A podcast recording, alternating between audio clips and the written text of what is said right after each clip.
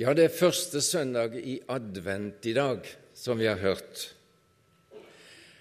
Mange mener at ordet advent det, kommer, det betyr å vente, og for så vidt så er det ikke helt uriktig, men ikke helt riktig heller.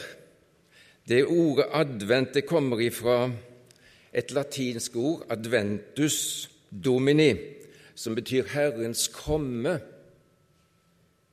Så advent det har med ankomst å gjøre, å komme. Herren kommer. Og adventstiden gir oss tanker om Han som kom, og Han som kommer igjen. Og når vi leser i Bibelen, så ser vi at Jesus ofte forkynte 'Jeg kommer snart'. Veldig ofte talte Jesus om det.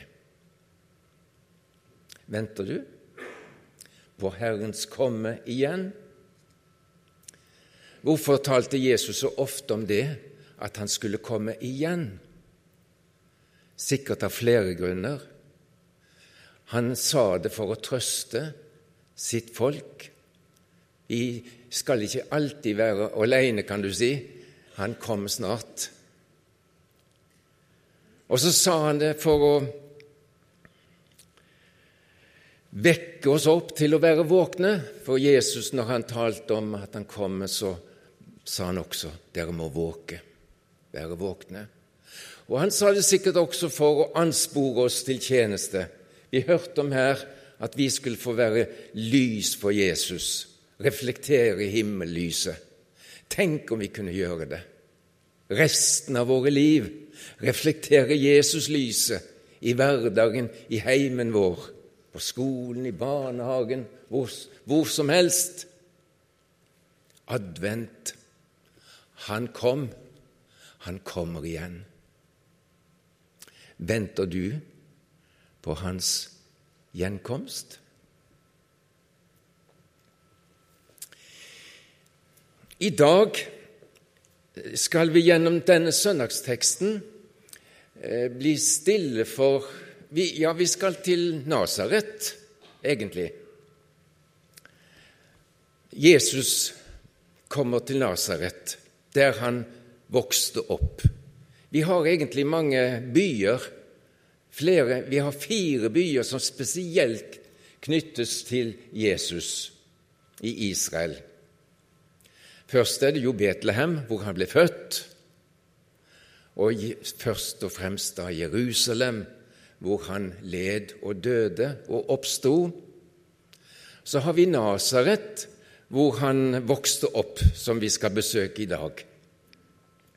Og så er det en annen by som Jesus hadde som liksom hovedkvarter når han virket her på jord, og det var Kapernaum, byen som ligger like nord med Genesaretsjøen. Disse fire byene. Men i dag skal vi altså til Nasaret. Og teksten i dag den eh, nær sagt stopper halvveis i den fortellingen, som, det som skjedde i Nasaret. Og jeg følte på at det var, det var ikke så helt enkelt å bare stoppe der. Så jeg hadde nesten lyst til at vi skulle få med oss reaksjonen i Nasaret på det møtet som de fikk, eh, som de opplevde når Jesus kom til dem. Så nå skal vi sammen lese fra Lukas kapittel 4. Jeg syns det er så godt om vi reiser oss og hører Guds ord. Eh, det gjør vi i dag. I Jesu navn. Jesus kom til Nasaret, hvor han var oppfostret.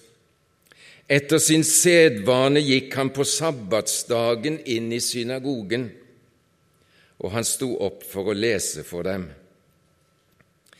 De ga ham da profeten Jesajas bok, og da han hadde åpnet boken, fant han stedet der det står skrevet:" Herrens ånd er over meg, for han har salvet meg til å forkynne evangeliet for fattige.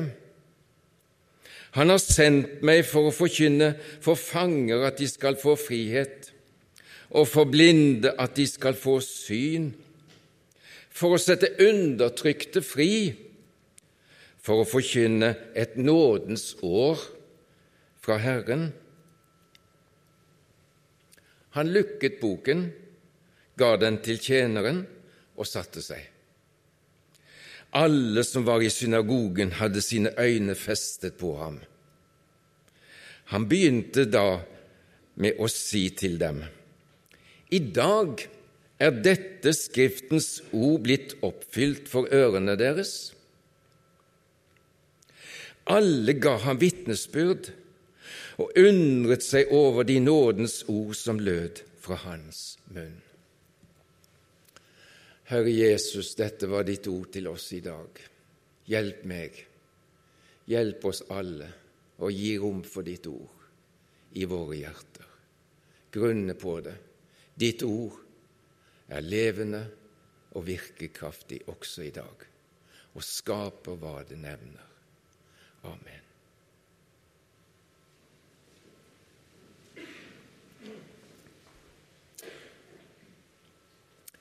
Kan det komme noe godt fra Nasaret? var det en som spurte. Det var Nathanael, en av disse som kom i følge med Jesus, som møtte Jesus. Kan det komme noe godt fra Nasaret? Det var Philip, en av disiplene til Jesus, som kom til Nathanael, så sa han, 'Vi har funnet Messias, Kristus'. Og da var det at Nathanael reagerte. Kan det komme noe godt fra Nasaret? Ja, kom og se. I dag kommer Jesus gjennom sitt ord til oss.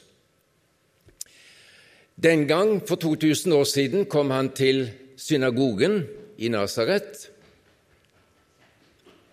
Ordet synagoge betyr egentlig forsamling. I dag kommer Jesus til oss i Betlehems synagogen, forsamlingen. Luther sier at Kristus kommer til oss på ordets føtter.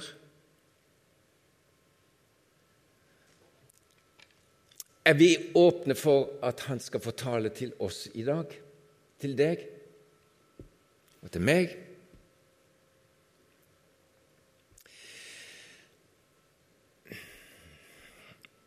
Jeg nevnte dette at vi leste bare halvparten av, av det som skjedde i Nasaret. For det er litt spesielt å se reaksjonen i forsamlingen i synagogen i Nasaret. Når Jesus hadde lest profetien og, og satte seg og begynte å tale om det han hadde lest, så reagerte de med undring, står det, og alle ga han vitnesbyrd over de nådens ord som lød fra hans munn. Men så kommer spørsmålet ah, hva er nå dette for noe? Og så spør de er ikke dette Josefs sønn? Hva er det han innbiller seg? Han har jo vokst opp i lag med oss, for å sprunge her i gatene i Nasaret. Han har jobbet hos faren, kanskje på snekkerverksted. Og så står han fram og sier han er Guds sønn, at han er oppfyllelsen av skriftordet fra profeten Jesaja. Så snur liksom hele stemningen seg. Og Jesus taler videre til dem og kommer med et par eksempler som de reagerer på. Du kan lese om dette senere i Lukas 4. Og de blir så forarget på Jesus det står alle i synagogen ble fylt av harme da de hørte hva Jesus sa. Hva skjedde så videre? Jo, det står Tenk dere situasjonen. For en mottagelse Jesus fikk i Nasaret. Når han står fram og leser og sier det som han gjorde. Det står de reiste seg og drev ham ut av byen og førte ham ut mot pynten av det fjellet som deres by var bygd på, for å styrte han utfor stupet. Men han gikk midt igjennom flokken og dro bort. Jeg har fått vært noen turer i Israel, og en av turene, gruppereisene, vi, vi en, hadde vi en buss helt opp på det fjellet som de mener Jesus skulle bli styrtet utfor. Det var veldig spesielt.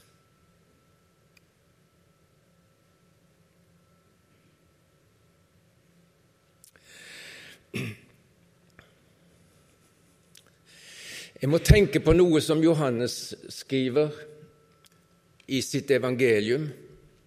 Han skriver han, altså Jesus, kom til sitt eget, dvs. Si sitt eget folk, jødefolket. Han kom til sitt eget, og hans egne tok ikke imot ham. Dette skjer også i dag, folk.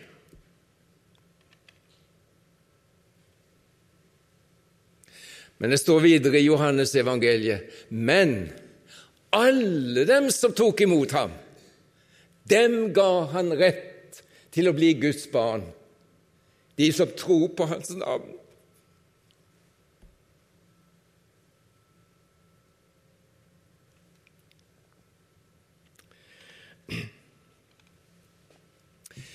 I dag kommer Jesus til Bergen og Betlehems synagogeforsamling. Hvordan blir han mottatt? Nå skal ikke du tenke på de andre som er her. Og jeg skal ikke tenke først og fremst på hvordan dere reagerer, men jeg skal tenke hvordan tar jeg imot Jesus og Hans ord? Har jeg bruk for dem? De som var i synagogen i Nasaret, hadde ikke bruk for det budskap Jesus forkynte. De reagerte negativt, og sånn er det mye også i dag. Vi har bruk for høytiden, kanskje. Vi har bruk for så mye, og det, har, det ser ut for vi har bruk for masse som vi ikke har bruk for. Men har vi bruk for å åpne oss for budskapet fra Jesus? Han som var oppfyllelsen av profetordet, sagt 700 år før det skjedde, profeten Jesaja. For Jesus siterer ifra profeten Jesaja.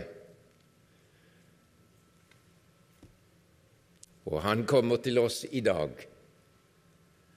Jeg siterte Luther Kristus kommer til, kommer til oss på ordets føtter. Han sier også, Luther, som en mor går til vuggen for å finne barnet, går vi til Bibelen for å finne Kristus.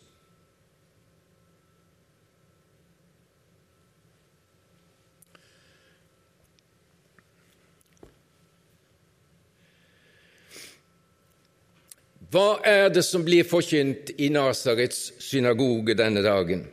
Jo, Jesus forkynner at han er oppfyllelsen av Jesaja-profetien, den som ble altså profetert 700 år før det skjedde, at Jesus er sendt av Gud, er Herrens tjener Messias, for å forkynne frelse, rettferdighet og fred. Et nådens år fra Herren. Jeg må lese igjen noe av det han siterte fra Jesaja-boken. Herrens ånd er over meg.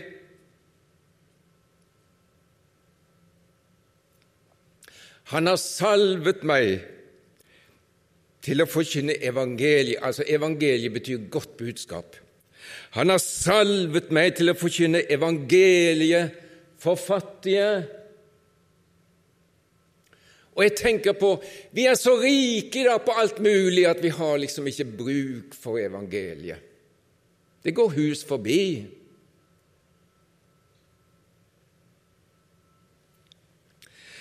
Han har sendt meg for å forkynne fanger at de skal få frihet. Å nei, sier mange også i dag, vi er ikke fanger.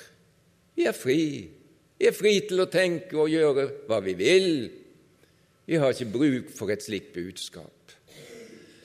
Sånn sier mange i dag, og tenker mange slik. Han har salvet meg for å forkynne at blinde skal få syn. Nei, vi ser jo, vi og de som satt i synagogen i Nasaret, de mente nok at de så klart alt sammen, som hadde med Gud å gjøre. Og det mener mange i dag også. Vi er ikke blinde. Vi ser klart, vi.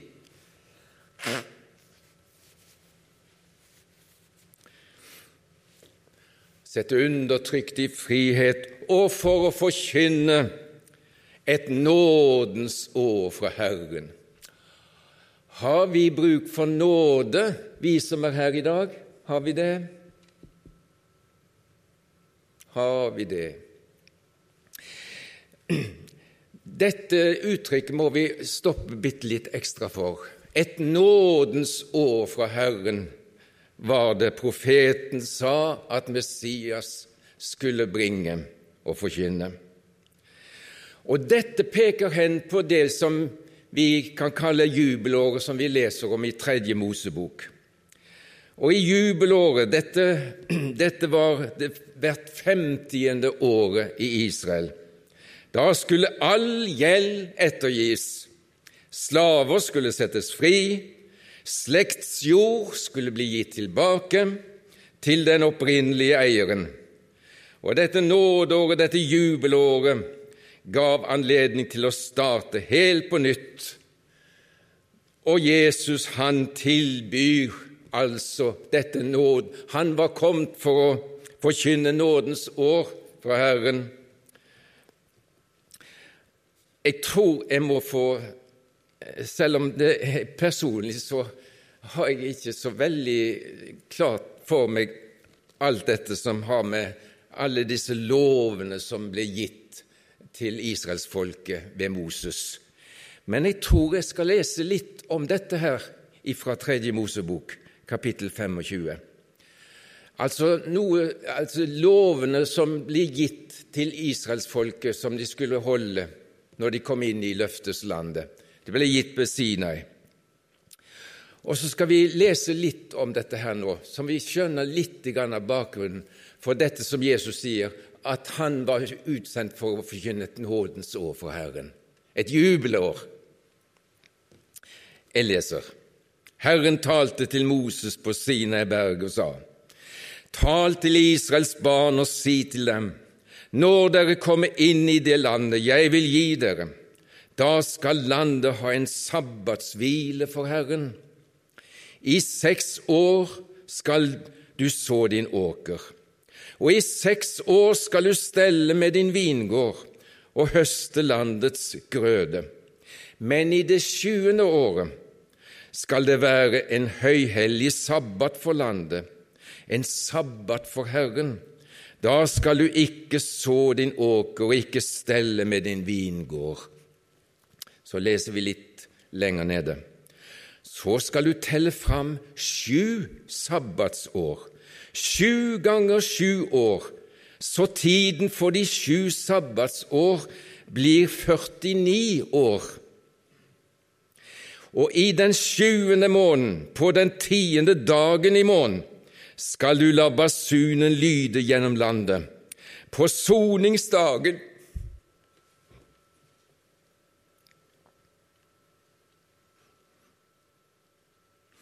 På soningsdagen skal dere la basunen lyde gjennom landet.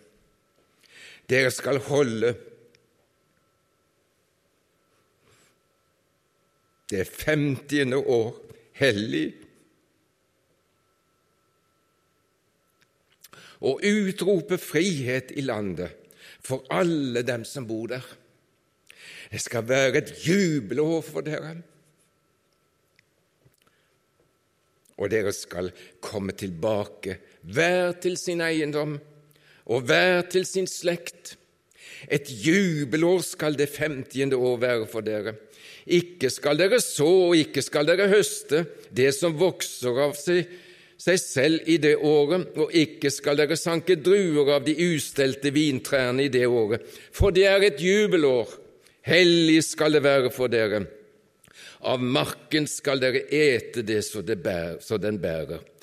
I dette jubelår skal dere komme tilbake, enhver til sin eiendom. Det er litt vanskelig å forstå dette for noen av oss. Jeg må få lese litt videre. Og så sier Gud ved Moses.: Dere skal holde mine lover og ta vare på mine bud og holde dem, så skal dere bo trygt i landet. Landet skal gi sin frukt, og dere skal ete og bli mette og bo trygt.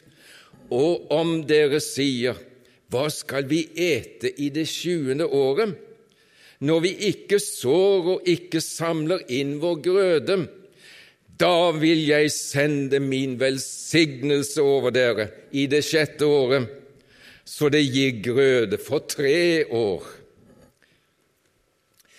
Det er vanskelig å forstå alt dette som Gud taler til Moses om lovene i Israel, men jeg aner jeg aner det profetiske budskap i dette jubelåret, dette nådens år, hvor alle ble frigitt, og alle fikk tilbake det de hadde mistet. Og de opplevde Guds velsignelse i rikelig mål. Og når Jesus sitter der i synagogen i Nasaret, så forkynner han det. Jeg er kommet for å forkynne et nådens år fra Herren. Og dette skal vi forkynne, og dette skal vi rope ut også i dag. For dette nådeåret varer også i dag. Takk og lov. Og jeg tror jeg spanderer på meg et halleluja. For slik er det. Men dette nådeåret varer ikke til evig tid. Det som er litt spesielt med dette, og som de fleste bibellesere har oppdaget, det er jo at Jesus, når han slår opp fra profeten Jesaja, ikke leser alt sammen som står der i det verset som han leste ifra.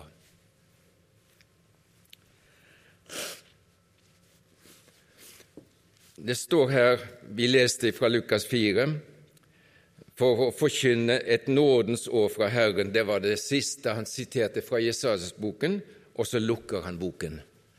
Han siterte altså fra Jesaja 61. Hva står der, da? Jo, der står slik Herrens ånd er over meg, fordi Herren har salvet meg til å forkynne et godt budskap for de saktmodige. Han har sendt meg til å forkynne, forbinde dem som har et sønderbrutt hjerte, til å utrope frihet for de fangne og frigjørelse for de bundne, til å utrope et nådens år fra Herren, så lukker Jesus boken. Men i Jesaja 61 står det mer i det verset. Hva står det? Til å utrope et nådens år fra Herren og en hevnens dag fra vår Gud. Det tar ikke Jesus med. For han var ikke kommet for å hevne, men for å frelse. Men den dagen kommer, så også den delen av profetien blir oppfylt. Og Bibelen sier det er forferdelig å falle i den levende Guds hender. Og det kommer til å skje med alle som forkaster nådens og evangeliets budskap. Men det Jesus der i synagogen i Nasaret, han var kommet for å forkynne nådens år, og det året er vi i dag i. Har du bruk for Guds nåde?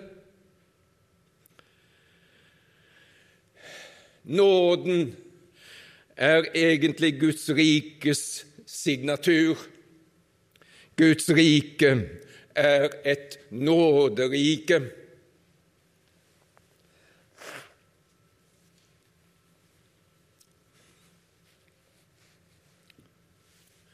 Og Derfor blir også Gud kalt i Bibelen all nådes Gud.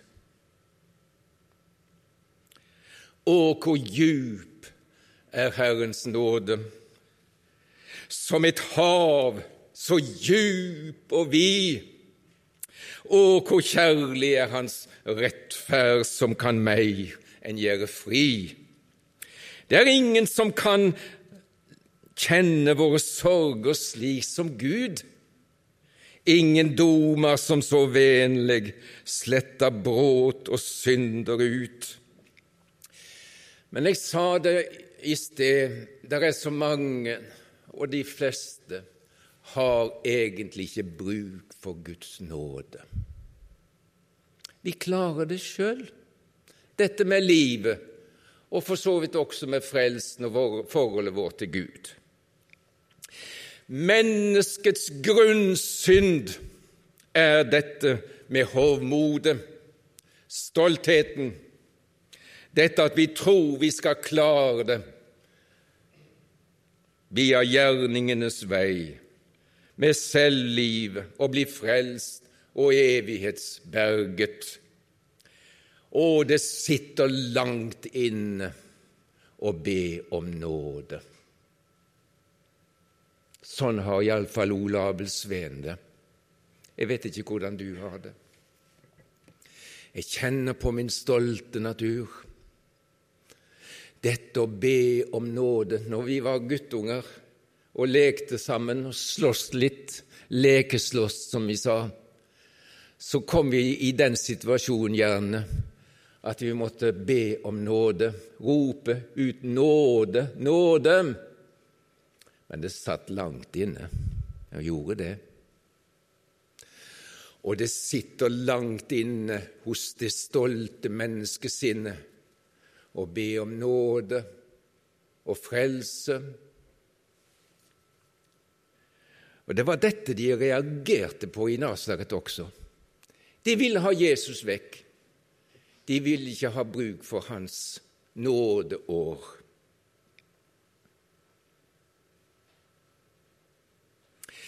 Men Bibelen sier Gud står de stolte imot, men de ydmyke de gir han nåde. Jeg vet ikke om jeg skulle driste meg til å nevne noe ifra barndommen. Det kan misforstås, men jeg skal ikke bruke sterke ord om det. Men jeg tror jeg opplevde noe av dette som vi er litt inne på nå. Dette med frelsen og dette med å ha det rett med Gud og dette med Jesus. For jeg vokste opp i et hjem hvor mor var en levende kristen og hadde bruk for Jesus, og en far som også var med i bedehusarbeidet og alt dette, men jeg opplevde ikke at han hadde bruk for Jesus. og Sånn, sånn opplevde jeg det. Kan godt hende at jeg tar litt feil her, men, men sånn opplevde jeg det. Jeg var ikke så veldig gamle kar når jeg liksom skjønte at det er en forskjell på fars og mors kristendom. Men jeg kunne ikke liksom forklare så mye om det. Far var jo med i bedehuset. Han spilte fiolin i musikklag og var alltid med, og vi andre var med også. Men det var liksom en forskjell. Jeg sier igjen, det kan godt hende at jeg dømmer litt feil her, men jeg husker faktisk en gang også at far Vi var på en fest. Det er 70 år siden, men det sitter fast ennå. Vi hadde fest, og vi, hadde fått, eh, vi satt med border i det lille bedehuset som var skolehuset vårt. Og vi hadde fått utlevert sånne bibelkort med bibelord på, så mange reiste seg opp og siterte bibelversen som de hadde fått, til velsignelse og godt for oss andre. Og sannelig, der reiste far seg også. Og vet du hva han sa? Han sa jeg også har fått et sånt bibelkort eh, med bibelord på. Så sier han jeg har ikke akkurat bruk for det sjøl, men hvis det er noen som har bruk for det, så kan jeg lese det opp. Og så leste han bibelverset. En merkelig vitnesbyrd, for å si det sånn. Og jeg hørte um, en god del på fars og mors samtaler om den kristne tro, og far hadde jo alltid ordene i sin makt og vant alle sånne diskusjoner. Men det var et eller annet der. Så husker jeg en gang vi hadde øvelse i musikklaget vårt, og vi skulle avslutte, som vi pleide, med en som hadde en avslutningsandakt. Så står far fram og går fram til den svarte tavlen på skolehuset der. Jeg ser han for meg. Så sier han jeg har lovt kona mi å avslutte øvelsen i kveld. Og så lurte jeg på Jeg satt der nede ved en av disse skolepultene tenkte hva kommer nå? Og far hadde alltid, som jeg sa, ordene i sin makt. og men han fikk ikke fram noe.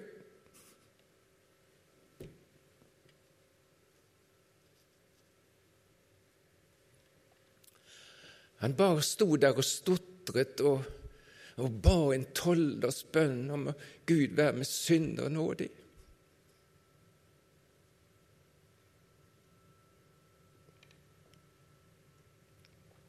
Det sitter litt ekstra i og jeg opplevde ved å gå hjem den kvelden i mørkene Vi måtte gå to kilometer hjem. Og jeg opplevde at den kvelden så fikk jeg en ny far.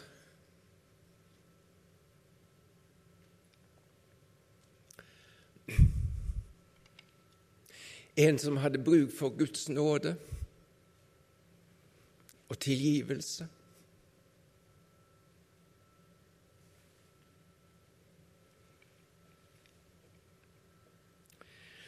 av nåde alt jeg får hos Gud, fra først til sist. Av nåde leges mine sår av legen Jesus Krist. Bibelen sier, og nå må vi lytte igjen godt til dette ordet Bibelen sier av nåde er dere frelst ved tro. Og dette er ikke av dere selv, det er Guds gave. Det er ikke av gjerninger, for at ikke noen skal rose seg.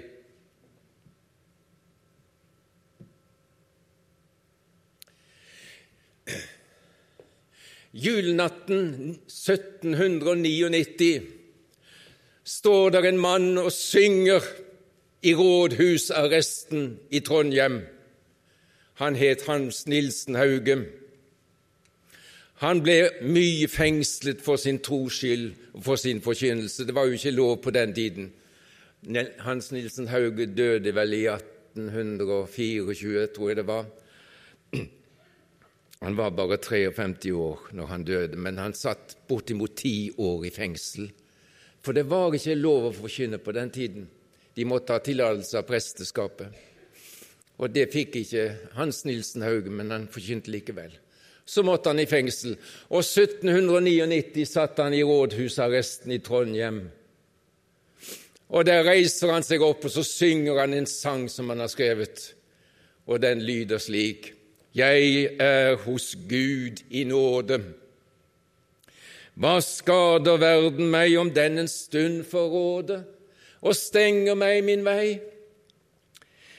om den mitt legem binder i fengselets mørke skjul, dog ånden overvinner og holder glad sin jul.